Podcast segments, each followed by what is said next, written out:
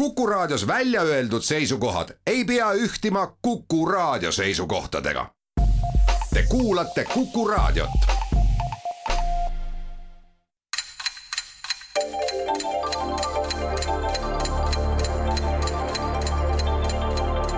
tarkade klubi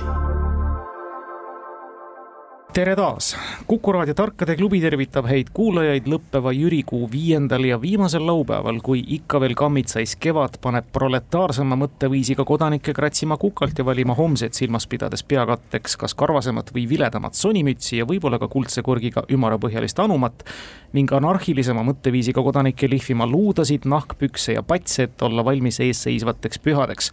kannavad need siis mis tahes nime, aga ühendavad kõiki, kes peavad lugu peatselt algavast lehekuust ja iseäranis selle esimesest päevast kõigis tema värvitoonides.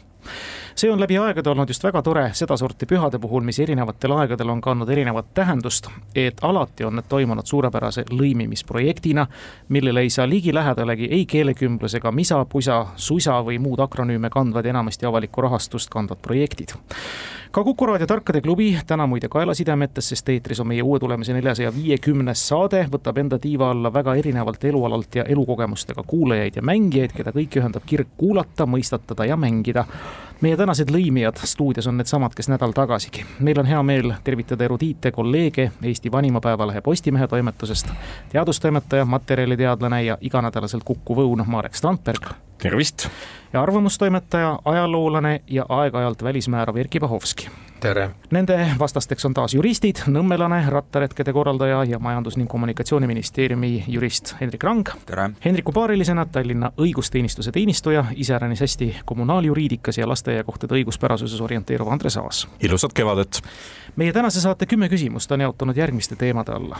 Slava Ukraini, kultuur leiutised arsti juures ja vaaria. küsijad on täna nagu ikka Kivimäe kooli ajaloo ja ühiskonnaõpetuse õpetaja Margus Pillau, raadiokuulaja Lauri Laanisto ja siinkõneleja Timo Tarve. me alustame ja anname avavõliku õiguse täna hagi kartmata Postimehe toimetusele, nii et Marek Erki, palun. noh, sinu teema on leiutised või? jah, minu teema on leiutised, võtame leiutised ja tõenäoliselt ei tea me neist tuhkagi.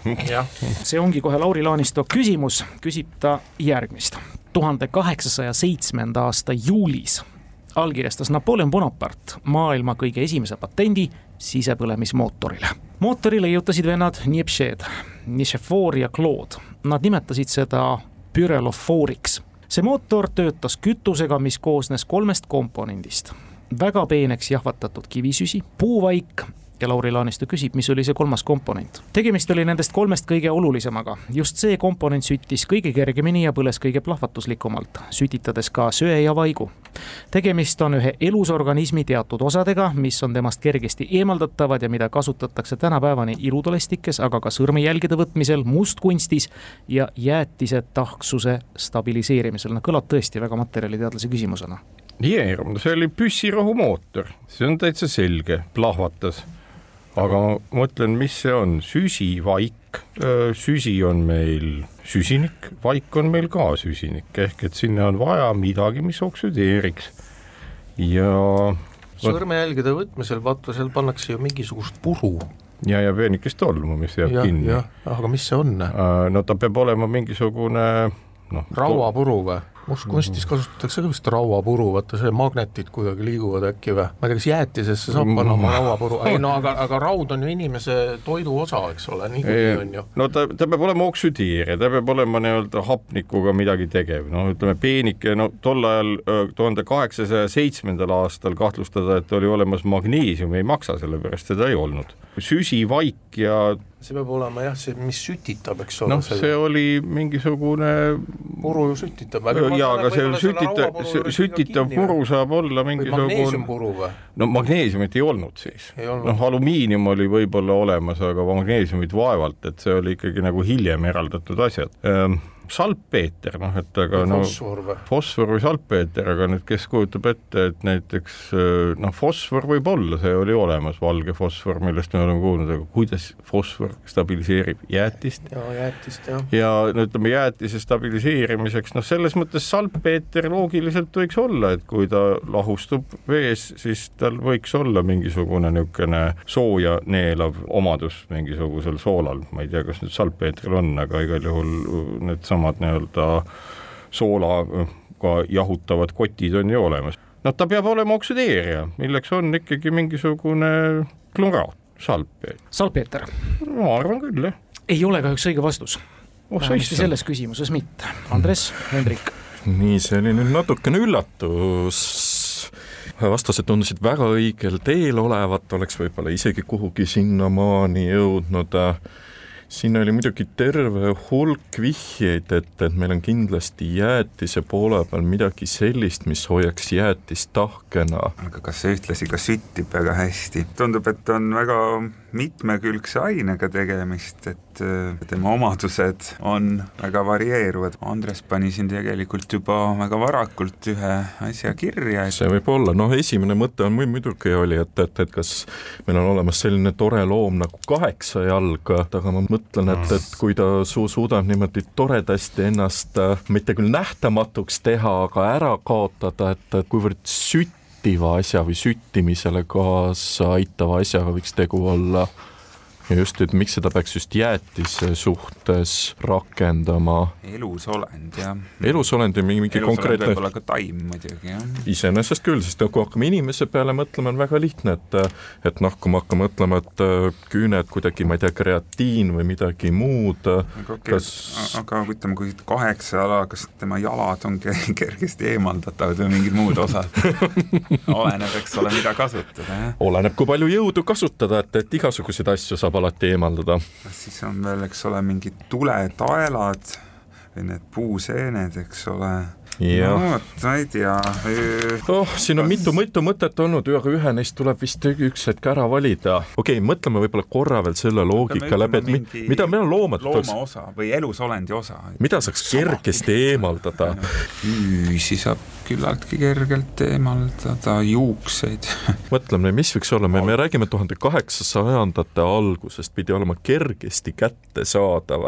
see ei olnud ikka, ikka niimoodi, et lähme, lähme, ma ei tea, elevandi kihvu kuhugi jahtima, mis noh, tegelikult enda keemiliselt koostiselt ei ole võib-olla meiegi mõnest inimosast väga erinev hmm.. mis me siis ikkagi jõuame, et kergesti eemaldada saad, saad karvu, küüne moodi asjandusi ja. võib-olla siis vastame karvu või, või juuksekarv või aga, aga või siis emb-kumb. mõlemad tegelikult süttivad päris hästi kui me hakkame mõtlema, mis seal taga on, noh no siis ma ikkagi ju jõuan sinna kreatiini kanti vist pigem, noh. pektiin või kreatiin, paneme siis kreatiini pigem. aga palun. pakume siis kreatiini. Oleks võinud ka ühiselt pakkuda sarvained, aga ei, ehk siis päris konkreetseks minna, kold ehk siis kolla pärisraika eosed, nii, Hendrik, Andres. Lähme ikka Ukraina juurde.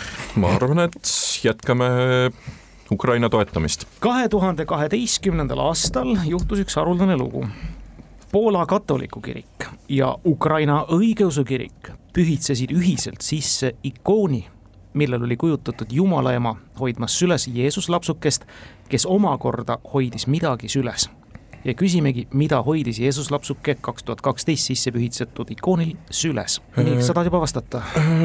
jah, ma ei tea, kas just tingimata kohe vastata, ma korra arutlen kõvasti, aga kui ma hakkan mõtlema aasta kaks tuhat kaksteist peale, hakata mõtlema, et just Poola ja Ukraina olid seal tegevad, et, et noh, meile väga tihti meeldivad sellised ümmargused asjad, mis on tihti punkte toonud, et kui, kui ka vastasvõistkonnale võib-olla tervist ühe, ühe teatud es esemega, mis neile kindlasti väga meeldib.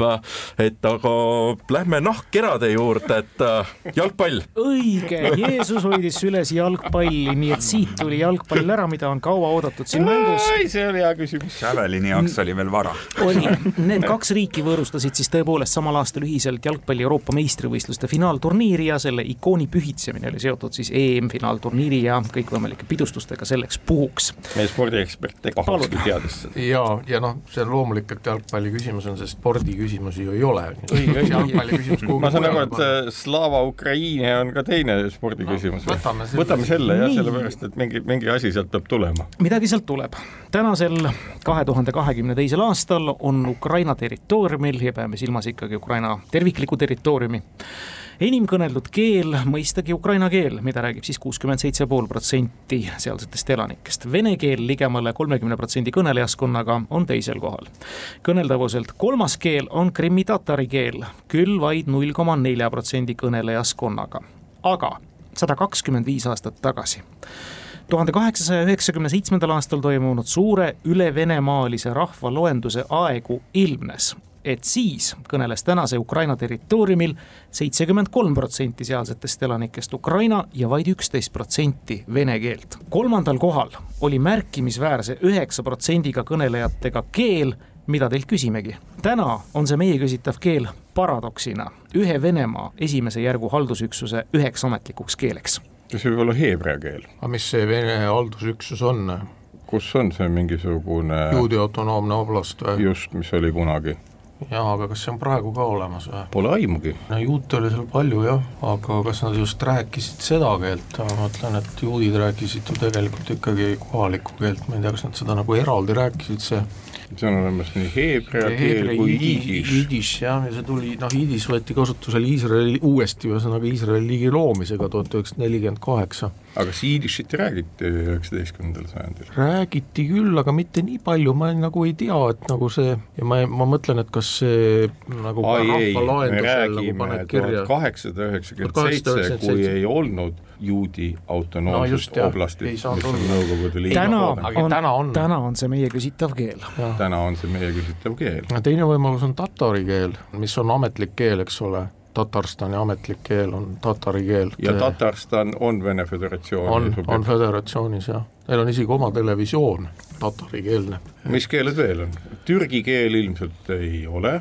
Türgi keel ei ole, noh ma mõtlen, et see on ju geograafiliselt, eks ole, ka valgevene keel, aga, aga valgevene keelega eraldi autono- või noh, seda haldusüksust Vene Föderatsioonis noh, ma ei tea, et tuleks. ja siis on, eks ole, soome-ugri keeled, mis on ka nagu minu meelest, ma võin nüüd eksida, kas mordva keel on nagu ametlikus staatuses? kus meil mordva on, see on Valgevene ja ei, ta on ei, ei, ta on ikka ida pool. ida pool, eks ole, tal piirilist kokku jah, piiriline kokkupuude Ukrainaga on, ei ole? minu meelest otse ei ole, ma võin nüüd äh, siin Soome äh, või venna-ugristid nüüd võivad pahandada, eks ole, ja no neid on seal ka põhjas, on see soome-ugri, eks ole, komid ja nii edasi, aga see, see mordva see... keel, tatari keel, jiidiš või siis heebrea keel, eks ole. heebrea keel et mis keeli meil aga veel ma mõtlen, kas see juudi autonoomne oblast on nagu praegu olemas, ta oli Nõukogude Liidus oli ta olemas, jah. praegu on selle koha nimi Iisrael, kus nad kõik elavad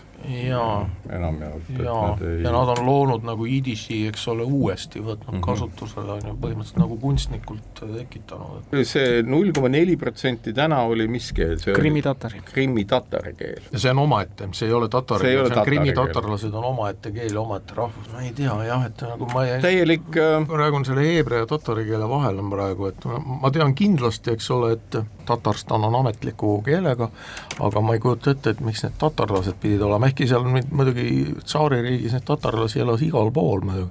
no aga siis äh, kuna münti ei ole, virtuaalselt viskame tatarit ja, ja heebreat ja peale jääb paneme tatari keelde ei ole kahjuks õige vastus.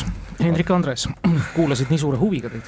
kuulasime suure huviga, mulle meeldis vastasvõistkonna loogika, et tegelikult ka meil läks niimoodi, et kui me hakkasime tolle aja peale mõtlema, et, et juute oli tõesti palju, et, et, et meil oleks esimene mõte läinud muidugi sinna raja poole, ma mõtlen ka, kui me edasi korra veel mõtleme üle, kas ja. üldse võiks olla veel mõni variant, mida võiks kaaluda, mingisugune Türgi, Kreeka.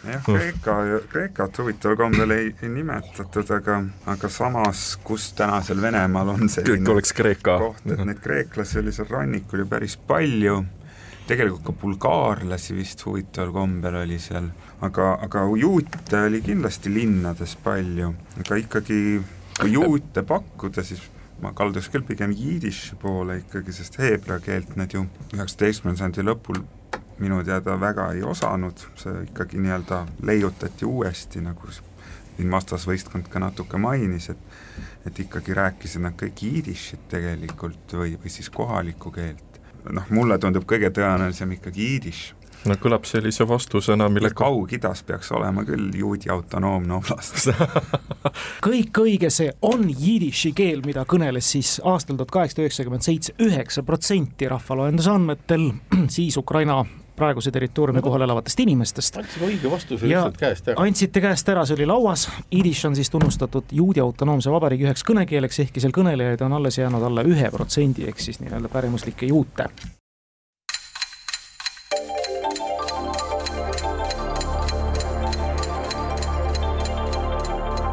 tarkade klubi. me jätkame juristide kaks-null eduseisust pärast kolme küsimust. Hendrik ja Andres, te saate valida. mina kalduks kultuuri poole. no nii, kultuur, no kohe proovime ära, kui, kultuursed oleme. proovime ja see on taaskord Lauri Laaniste küsimus. üks Prantsuse filosoof, sealhulgas Nobeli preemia laureaat, ei saa me ilma nendeta kannab sama perekonnanime kui üks Astrid Lindgreni kolmes romaanis figureeriv kuulus peategelane nende raamatute inglisekeelsetes tõlgetes, mis on nende ühine perekonnanimi. Nobeli preemia laureaat, sama perekonnanimega kui Astrid Lindgreni kolmes romaanis figureeriv kuulus tegelane nende raamatute inglisekeelsetes tõlgetes, nii et selline krüptika on sinna juurde keeratud. ja mis on see ühine perekonnanimi? No nii, siin ei saa öelda, et just ülepalju vihjeid oleks, näiteks Linkernit on loetud küll igatpidi, aga siin tuleb esimene küsimus. kolmes romaanis ehk ta on selline läbiv figureeriv tegelane, küllaltki läbiv tegelane. küllaltki läbiv tegelane, et, et kui me mõtleme, et, et palju üldse meil on neid tegelasi, kelle nimi peaks olema erinevates keeltes erinev mingil põhjusel. kui me võtame noh, liht-lihtsa tegelased näiteks, et Kalle Blomqvist, miks peaks inglise keeles ta nimi olema midagi muud, kui niimoodi hakata mõtlema. muidugi me teame, et, et me hakkame mõtlema, et okei okay,, Pipi Pikksokk on tõesti üks selline tegelane, mis on, mis on paratamatult tõlgitud alati eraldi, ta vist on inglise keeles on ka Longstock või long stocking. Stocking peaks vist olema või long stock võib-olla jah, aga mm, aga jah, kui mõelda, et nagu kolm romaani, kas Carsonil olid mingid järjed ka või noh, selles mõttes Pikk Pikksukk on ju üks. Kas ta ikka on üks, kas, kas ta ei ole ikka mitmest, kui ma hakkan praegu mõtlema, mitmest kokku pandud? võib-olla tõesti. võime veel edasi mõelda, jah, Vahtramäe Emil oli selline tore raamat, et mina mäletan, et ennastki sai sealt mitmel-mitmel puhul ära tuntud. jah, iseasi, mis ta nimi inglise keeles nüüd on. see oleks küll huvitav, kui oleks Emil keegi, okei okay,, mõtleme korraga, et, et äh, meil on veel lausa Nobeli oli laureaat ikka jah? jah. nojah. noh, muidugi Prants... Prantsuse filosoof jah. Prantsuse filosoof, noh, siin tuleb see huvitav koht, et ma võin prantsuse nimedele mõelda, aga kui hakata mõtlema, miks peaks olema inglisekeelsest tõlk kes, me teame ajaloost küll, et alati ei olnud Prantsusmaa puhul tegemist selliste puhtprantslaslike nimedega, see või võiski olla ka tõesti, et kas siis Skandinaavia, Poola või võib-olla ka inglise päritolu. mis meil veel on, kuulsad Karlsson, Vahtram, Emil, Pipi ja röövlitütar ei tea, tema oli küll vist ainult ühes Kalle Blomqvist kõlas ka mm,. ja no, no Pullerbi lapsi oli ka igasuguseid, aga. praegu me muidugi jah, räägime neist, eks ole, Eesti kirjanduses tuntud nimevariantidega, et no võime alustuseks mõelda selle loogika peale, et kellel üldse neist võiks olla teistsugune nimi ja miks et miks peaks olema, et no sel-, sellise loogika järgi ongi nagu, nagu see pikksukk on loogiline, et, et ta on erinevates keeltes erinevat moodi, aga, aga kui me võtame prantsuse filosoof või siis Longstocking see vist nüüd jah, kes need prantsuse filosoofid on Nobeli saanud, kas see Claude Levi Strauss või Strauss sai selle või? siis on veel, eks ole, Camus või millalgi midagi. Mõtlema, et, et issand jumal, nüüd hakkan mõtlema, et vanasti, vanasti võis nagu, et kümme raamatut järjest Lindgrenile erinevate tegelastega järjest ette lugeda. et, et ja nüüd, nüüd on nagu peas selline tühjus ja kui tegelikult kui hakata niimoodi mõtlema, kui ta on inglise keelde tõlgitud, miks ta peaks olema ikkagi sellisel juhul prantsusepärane, aga meil oleks ta eesti keelde tõlgitud mis see loogika on, siis ta võiks olla ikkagi, kui ta on inglise keeles, ta võiks olla in, nagu inglisekeelsem seda küll, jah. Mm.. vot ei tule ette, et keegi härra, härra Stocking oleks, oleks olnud selline kuulus filosoof. Mm. meil ei olnud selle filosoofi ajastut ka kindlasti seal täpsemalt märgitud. no me saame seda oletada Nobeli preemia järgi, rohkem vist ei olnud jah. aa, kuule nii, kas, kas ma panen pirni põlema? ei, seda mitte, ei ma lihtsalt korra mõtlesin Vahtramäe Emili peale, et on veel Emil Sola aga aga Emil on ikka Emil. Emil on ja Sola, vaevalt nüüd, et keegi oli. No ei tule, no kui, aga mul, mulle vähemalt meeldis see loogika, et meil on olemas Vahtramäe Emil, kui kuidas huvitav, pärast ongi, et et ta oli inglise keeles, võib-olla oli vastupidi, et kui meie teame, et Vahtramäe Emil, siis äh, inglise keeles oligi Emil, ma ei tea, Emil off of something või või midagi sellist ja siis pärast on, ja pärast on e-, e-, Emil ja Emil. siin on vähemalt isegi mingisugunegi loogika olemas. samas eesti keelest oli ka Emil. aga ma ei tea, vasta ära annan sulle ausalt. anna mulle au, no ma ei tea, mul variante on palju, üks, ükski nagu päris õige ei tundu, proovime viskan ka mõtteliselt siin kulli ja kirja, et vastasvõistkonnal ükskord ebaõnnestus sellega, no ükskord peab ju täkkesse minema, et, et kui ei lähe, et eks siis läheb lotopiletite ostmiseks täna, et ka müüja Sola vahel saab valitud, et mulle meeldis see e-, Emili loogika sealjuures Sola puhul. ei ole kahjuks, kahjuks sellepärast, et nii pikk arutelu ja palun.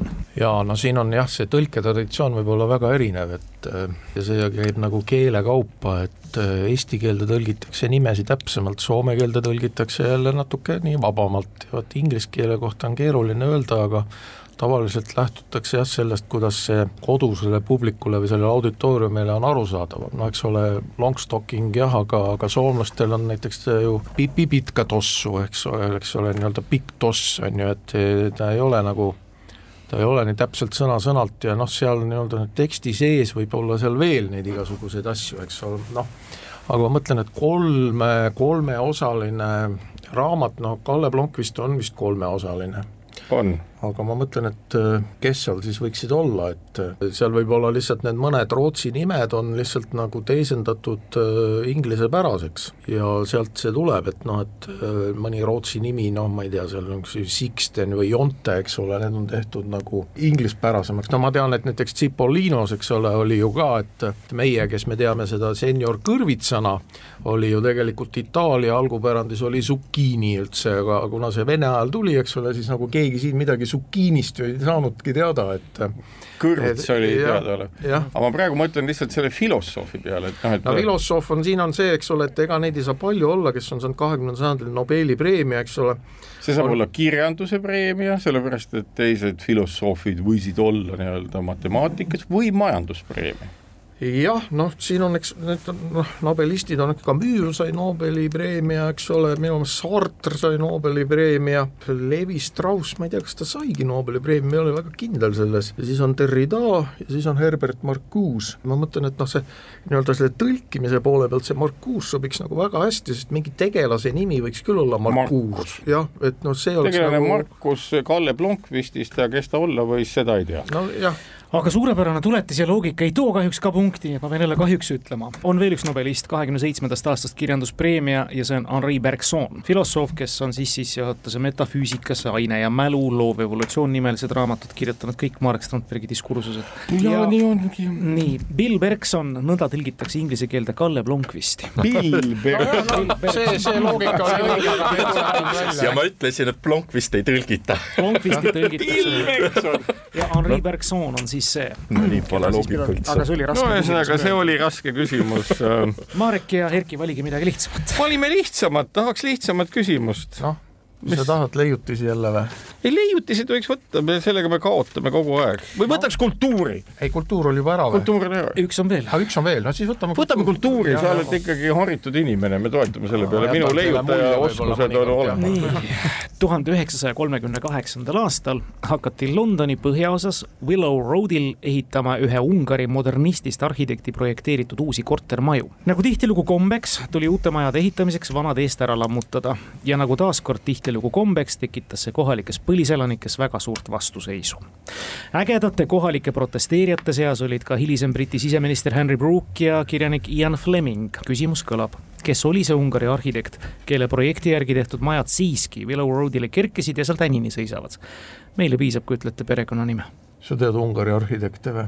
Marek ei jõua neid ära nimetada. ma, ma ei jõua neid ära nimetada, ma isegi ei tea, kellest alustada. protesteerijate hulgas siis Briti siseminister Henry Brooke ja kirjanik Ian Fleming. me küsime, kes oli see Ungari arhitekt ma tean eh, seda, kes leiutas Rubiku kuubiku, see oli Rubik. ja tema ei olnud siis veel sündinud, vähemalt ei ehitanud ta siis veel maju, see peaks olema mingi. no see peaks olema mingi tut-, ilmselt mingi selline nimi, et mida me kõik teame, aga. no Aaldo see ei ole.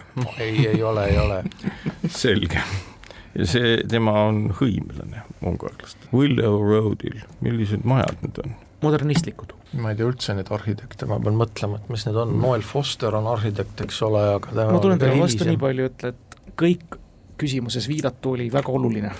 no Jan Fleming ta oli Bondi looja. jah, Ungari arhitekt Bond.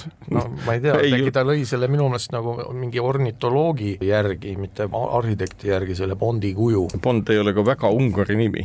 jah ka siseminister ja Fleming, äkki siis oli see mingi, oota, mis seal, kes see Bondi filmides see pahalane oli, seal oli üks pahalane. Aa, et äh, Fleming on sisse kirjutanud ei, ei, selle vaata, ei, vaata see, mis see, kes see oli, see, kes seda Spektrit juhtis, see, vot mul ei tule meelde, see oli Ungari nimega? V-tähega. ei, see oli Erna, vot nüüd ma olen, nüüd aita mind. ai muidugi, muidugi, Fleming on sisse kirjutanud selle Bondi kui ühe kurjami.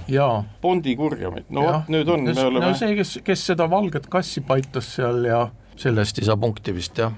Kurjam Bondi filmist, kes kandis sama nime nagu Ungari arhitekt ja see nimi on Erno oli eesnimi, jah no me saame mingi osa punktist, kui te ütlete ära selle Bondi kurja. kui te annate selle võimaluse poole punkti nimel vastastel see nimi välja öelda. no ikka, ega me oleme lahked. nii, pool punkti ja öelge nüüd teie vastus. Erno Goldfinger. Goldfinger, täpselt oh,, Ungari juut teine tegelane, pahalane. teine tegelane, Goldfinger oli ju pärit Lätist. ja temaga juhtus väga palju pahandusi, seepärast et see Erno Goldfinger andis ta tegelikult pärast Bondi raamatute ilmumist Flemingi kohtusse ja siis jõuti kohtuvälisele kompromissile, kus Fleming lubas, et ta Ernot eesnimena enam ei kasuta, vaid paneb talle eesnimeks Orik. palun, Hendrik ja Andrest. Andres, sa tahtsid minna päris ohtlikule teele vahepeal, arsti juurde no kas just ohtlik tee on, see võiks just olla selline tee, mis elu päästab. proovime, arsti juures ja Lauri Laaniste küsimus. Albert Einstein kasvas üles Saksamaal, kuid loobus oma isa loal seitsmeteistkümneaastaselt Saksamaa kodakondsusest, mõni aasta hiljem sai ta Šveitsi kodakondsuse.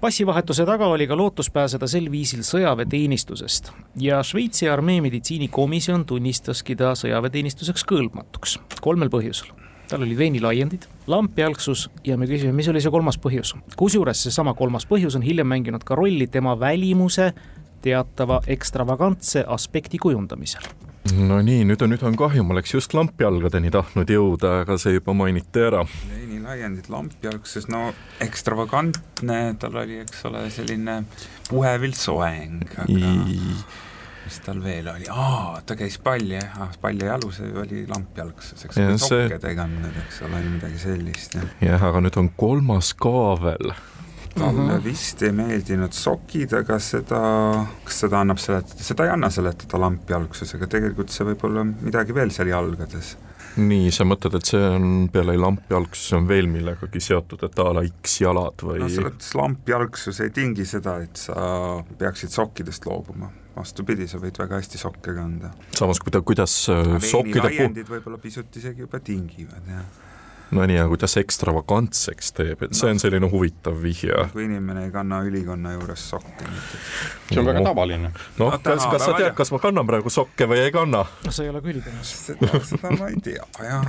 jah, aga, aga noh, ütleme, et see ikkagi omal ajal nagu torkas silma või on midagi veel. olgu, kui me lähme siis ikkagi noh, nii-öelda sinna püstikõrgusele, aga hakkame ikkagi selle soengu ümber mõtlema, et, et no noh, me teame seda võib-olla kõige kuulsamat pilti, kus kus ta on keele välja torganud, mis üldse on tegelikult selline keel oli Šveitsi armee jaoks liiga pikk oli liiga pikk kas midagi võiks öelda, et äh, mõni haigus, mis tingimata ajaks juuksed krussi, ta, ta vist varakult väga vist halliks kohe ei läinud, kas ta võis olla tolleaegsete standardite järgi kiilaspäine? Äh, kas ta võis vaadata ka kergelt kõõrdi, aga noh, see pole väga ekstravagantne midagi. vastupidi, väga ekstra-, füüsiku kõõritamine. sealt see relatiivsusteooria tuligi. nagu kuidas sa, kuidas sa otse vaadates ikka relatiivsusteooriat välja mõtled, pead kõõritama või? mis võis tingida seda, et ta sokke ei kandnud no,? kroonilised konnasilmad, jalaseena.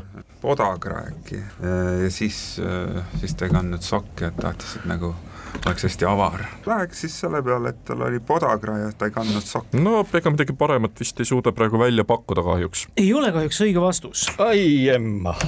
noh, sina teadustoimetaja. no teadustoimetajana ma ei tea sellest mitte midagi, mida me võime oletada? no seal no, oli mida... see, et ekstravagantne välimus on ju, minul nagu juuks... üks oh,, üks oh. mõtteidu on, aga see on ainult idu et noh, et äkki tal oli tõesti nagu see juuksepahmakas oli nii suur, ehkki noh, ma ei tea, siis mitte ka... kammitavad juuksed nagu ei, Boris ei, Johnsonil. ei nojah, et kiiver ei läinud pähe noh yeah., et sõja äh, nii-öelda mundrit ei saanud nagu kanda, et nagu kiiver oli nagu ikkagi no see, see on üks ol- või, või ei saanudki neid nii-öelda juukseid ka kammida mingist alg-, hetkest alates, et noh, ta oligi ju selles mõttes, et mis teeb ta ekstravagantseks. ekstravagantne välimus, eks ole, see on see, mida sa nagu, sa pead peale nähe-, vaadates seda kohe nägema, on ju, see ei see ei saa olla ju midagi, midagi varjatud. Need on juuksed no, no, ja, ja no. nägu, noh, ütleme nägu oli Einsteini nägu all olid vuntsid, noh, miks vuntse kanda, miks noh, see, see oli nagu laiem, eks ole, et võib-olla tal oli mingisugune nahk nii tundlik, et ei saanud vuntse ära ajada, noh, habeme sai, aga vuntse ei saanud. no Kand... jah, ja siis eks ole, et ta oli juut, on ju, aga minu arust Šveitsi armees ei olnud sellega probleeme, Saksa armees ka ei olnud Esimese maailmasõja ajal, et juut võeti küll teenistusse, et ma ei oska mu muud pakkuda. no siis meil on vuntsid, et ei saanud seda ära ajada, et nahk oli tundlik, see ei ole loogiline aga et juuksepahmakas on nii suur, et äh, ükski müts ei mahu pähe. aga ma ei tea, kas Šveitsi armees siis pidi olema soeng sõduril, et ei olnud seda nagu Vene armees, et nii-öelda pea kiilaks? jah, või, või noh, Šveitsis, eks ole, ma mõtlen, et seal on see, et armee armeeteenistus, mobilisatsioon, eks ole, et sa pead nagu olema, kas see on see, et sa pead olema ka valmis nagu kahekümne nelja tunni jooksul, kui kuulutatakse välja üldmobilisatsioon, et kas Einstein nagu oli valmis, nii edasi, noh. ta oli ekstravagantne, hajameelne, et neid ei nojah, aga siin on ikkagi see... küsitud nagu seda välimust, on ju, ja mis esimene asi, mis sa vaatad Einsteini peale, on ju ikkagi juuksed, noh. Mis seal siis muud saab olla? ja seal all olev aju ja seal, aga seda, seda ei näe, on ju. no võib-olla see oli liiga suur, tal oli võib-olla liiga suur pea. liiga suur pea, jah. liiga suur, liiga suur pea. noh, jah. ei ole ka see õige vastus, Hendrik oli päris lähedal, see ikka see jalgade küsimus, tõepoolest ta ei kandnud sokke ja põhjusel, et ta jalad higistasid erakordselt palju ja see oli meditsiiniline lähe, mille puhul teda ei saanud sõjaväkke võtta, lisaks veinilaienditele lampjalgsusele. oh, seda elukest küll, vabandust, Albert.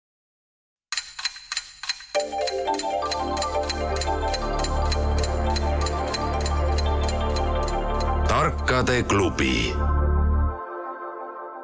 kaks pool ja pool me jätkame, meil on neli küsimust lõpuni minna. Erkki Marek, te saate valida. noh, mis sa tahad võtta nüüd? ah oh,, ma ei taha midagi võtta, me võtame leiutised ja taaskord. õietolm on õige vastus alati ei, aga me läheme sinna tagasi, kust me lõpetasime, nii et me räägime Lauri Laanistust ja tema küsimusest, mis puudutab ikka seda Nitšefor-Nipsied kes oli siis maailma kõige esimese sisepõlemismootori üks leiutajatest, nagu ikka, tollal oli ta väga mitmekülgne leiutaja ja leiutas paarkümmend aastat hiljem, aastal tuhat kaheksasada kakskümmend viis, veel ühe teisegi tehnoloogia, nagu küsimuse autor on selle sõnastanud, mis on veelgi populaarsem ja tänapäeval laiemas kasutuses kui sisepõlemismootorid. tema leiutise põhialuseks oli bituumen, kuid hiljem asendus see paljude teiste erinevate keemiliste ühenditega ja nüüdseks on keemia sellest tehnoloogiast sootuks välja tõrjutud. mis on see leiutis või tehnoloogia? alguses bituumen. alguses bituumen ja nüüd ei midagi, nüüd on puhas vaakum, ei midagi ei midagi keemilist ei midagi keemilist kuidas saab olla maa peal midagi, mis ei ole keemiline? tume aine. tume aine see erinevast bituumenit ei no siin on vist mõeldud eh, mingeid looduslikke materjale, et eh, vist niimoodi, et bituumen jah, et me räägime tehnoloogiast siis jah? tehnoloogia huvitav, mis see siis oli, bituumenit kasutati katuse peal, eks ole, katusel olid bituumenid ja asfalt oli ka, eks ole, bituumen on ju, teed. oli, oli, aga, aga need olid juba ammu leiutatud tuhat kaheksasada kakskümmend seitse. kakskümmend viis. kakskümmend viis. no mis vahet seal on, kakskümmend seitse. kaks aastat. kaks aastat, täpselt, see on õige ei mingit keemiat. ja tehnoloogia oli. ja see on tehnoloogia see on tehnoloogia. oota, aga äkki see on, see, mõtleme, äkki see on fotograafia? punkt kirja, aitab, see on fotograafia just nimelt ja teadusküsimusega tuleb välja taaskord Erkki Pahovski õige vastus. muidugi, sellepärast ei no vot see ammu terendab juba teadustoimetaja koht. ja ma, mulle tundub, et ma pean minema.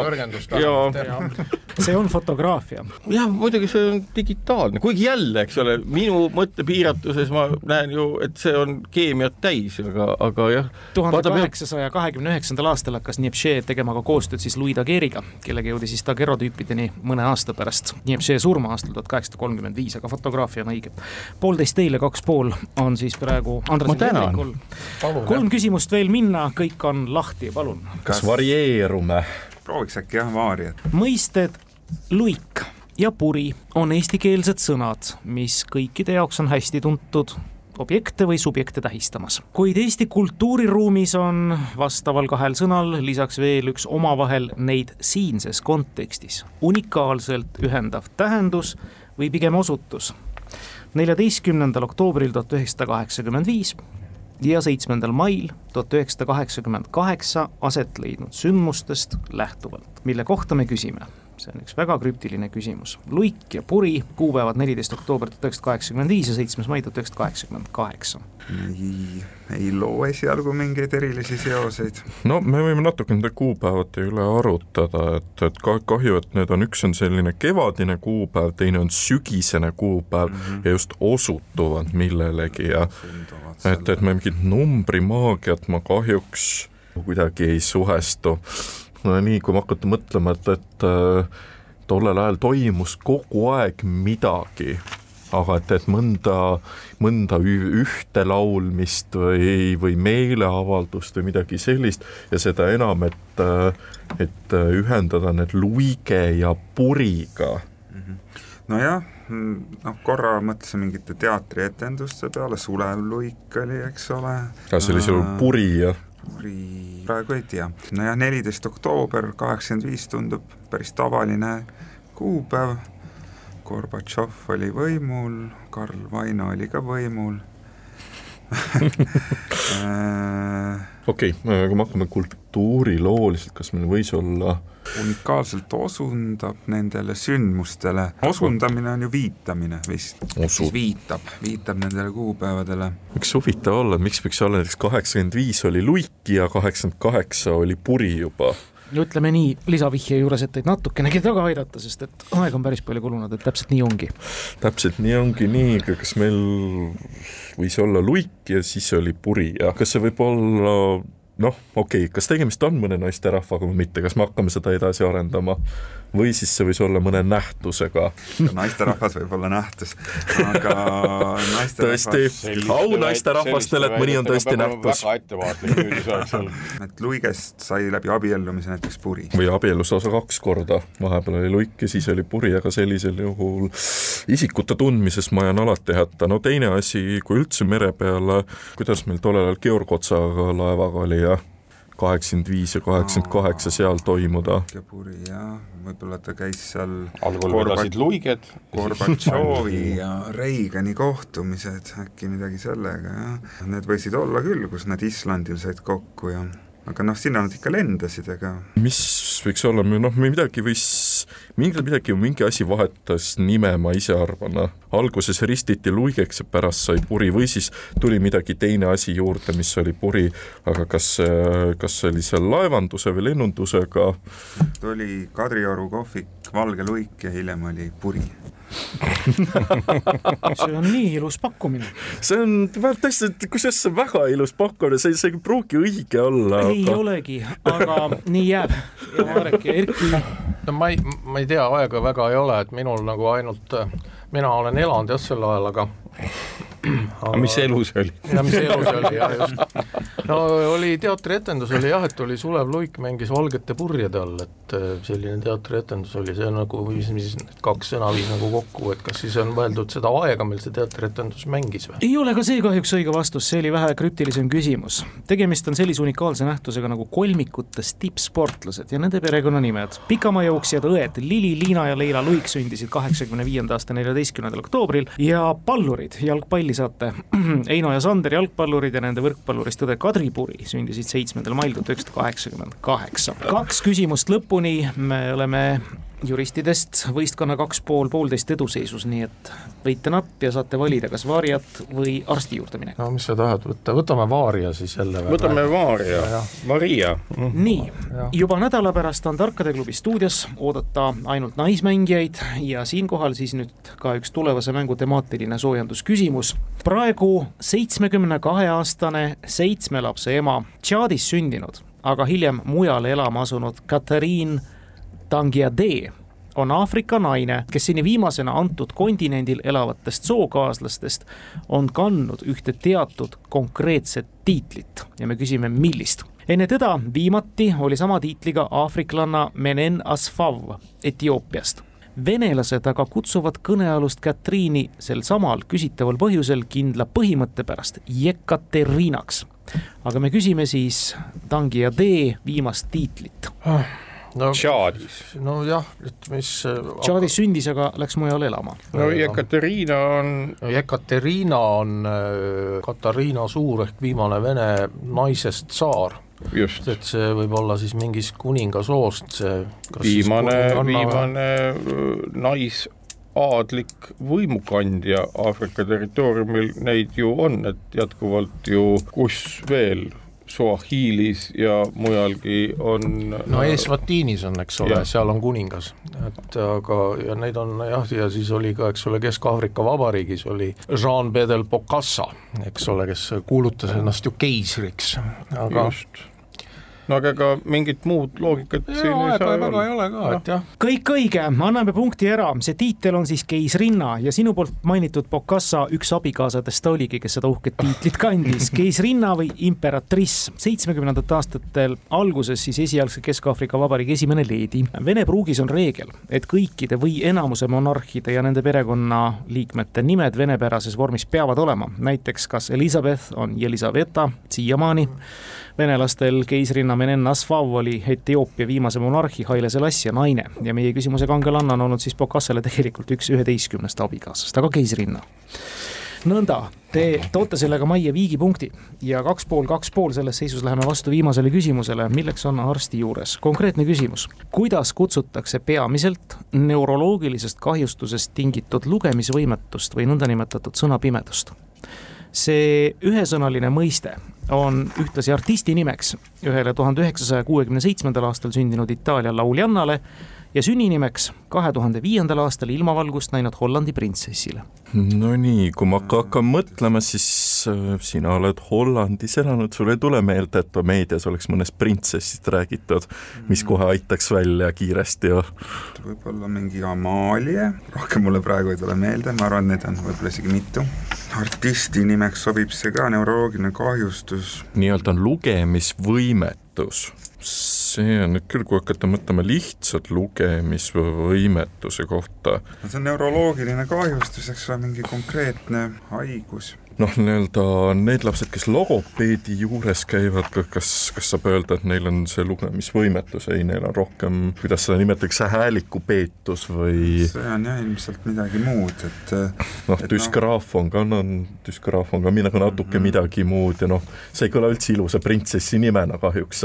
kas sellest ei saa midagi tuletada mm,? No, Amaaliast? mingi Amalf mitte, et see üldse peaks õige olema.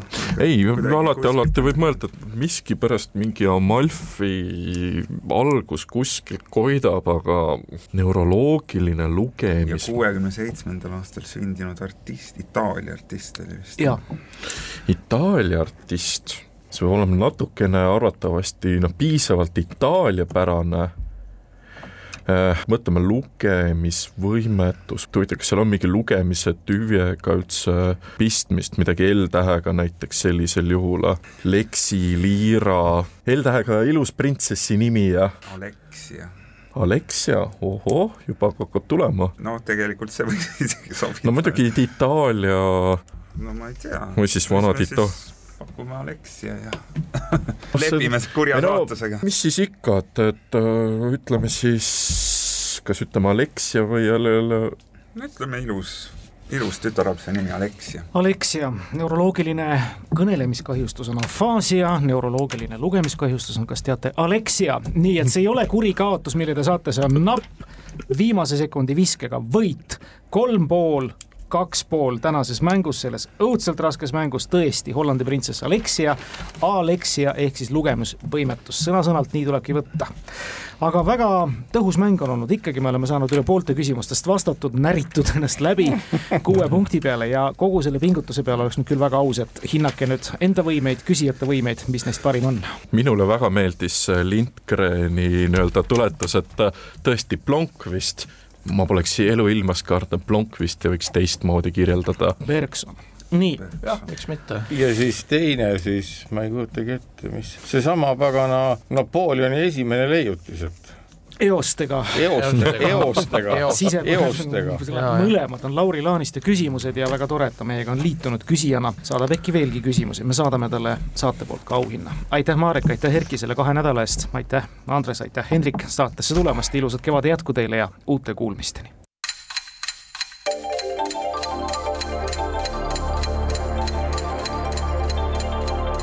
tarkade klubi